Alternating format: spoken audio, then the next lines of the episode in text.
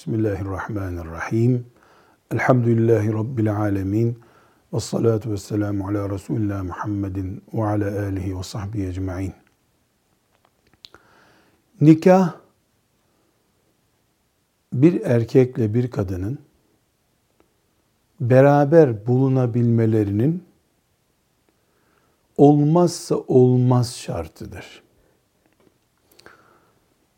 Bir erkekle bir kadın birbirlerinin bedenlerinden istifade edecek şekilde bir arada bulunabilmeleri nikaha bağlıdır.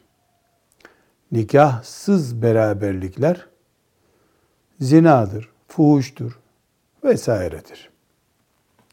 Bu nedenle nikah helalin simgesidir. Nikahın yokluğu da haramın simgesidir. Bir Müslüman nikahsız beraberliği erkek kadın açısından düşünüyoruz. Nikahsız beraberliği ölür de kabul etmez olmalıdır. Çünkü Allah nikahsız olan her beraberliği cehennemle tehdit etmiştir. Ancak nikah uzun törenlerin adı değildir.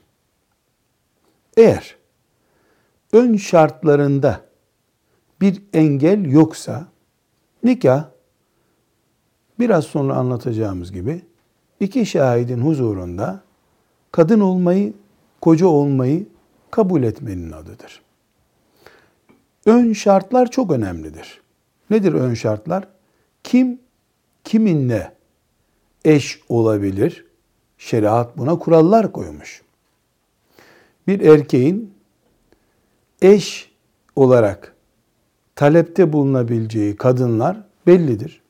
Bir kadının kocası kabul edebileceği erkekler bellidir.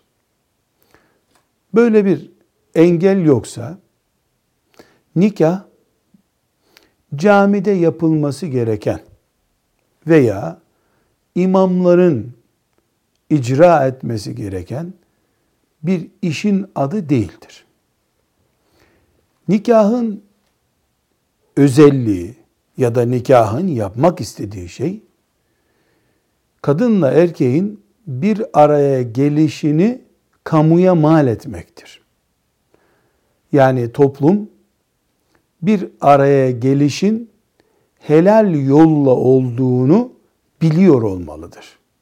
Daha sonraki dönemlerde gerek yaratılacak çocuk ve gerekse diğer evlilik gibi kabul edilecek uygulamalarda yani erkekle kadının bir araya gelmelerinin doğuracağı işlemler toplum tarafından itham edilmemek için Müslüman nikahını yani kadına talip olduğunu, kadının kocayı kabul ettiğini insanlara duyurur. Nikahın özelliği bu duyurmanın adıdır.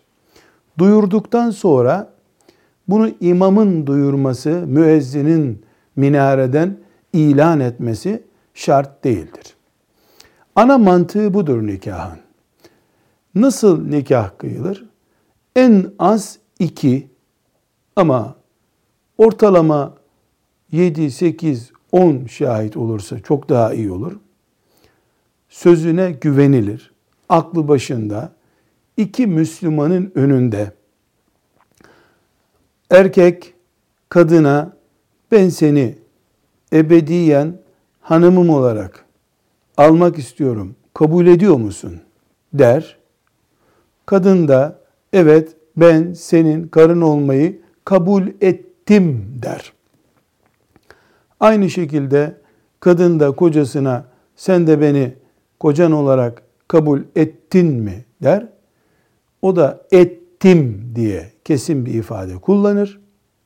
Neticede şahitlerde Ahmet'in kızı Ayşe'nin Mehmet'in oğlu Ali'nin hanımı olduğunu, karşılıklı birbirlerini kabul ettiklerini duymuş olurlar.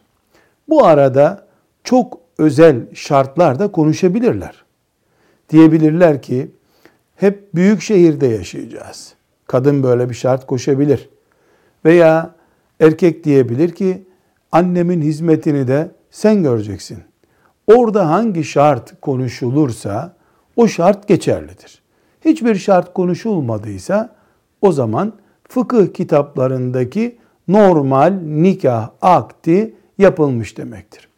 Evet nikahta belli ifadeler, belli cümleler kullanılır.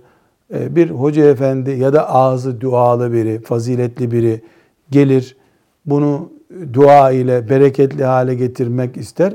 Bunlar işin olursa çok iyi olur taraflarıdır. Önemli olan Allah'ın adına iki Müslümanın diğer Müslümanları şahit tutup karı koca olmalarıdır. Burada niyetleri kötüydü, e, başka şeyler kastetmişlerdi. Herkesinin kalbi ve ameli Allah'a kalmıştır. Velhamdülillahi Rabbil Alemin.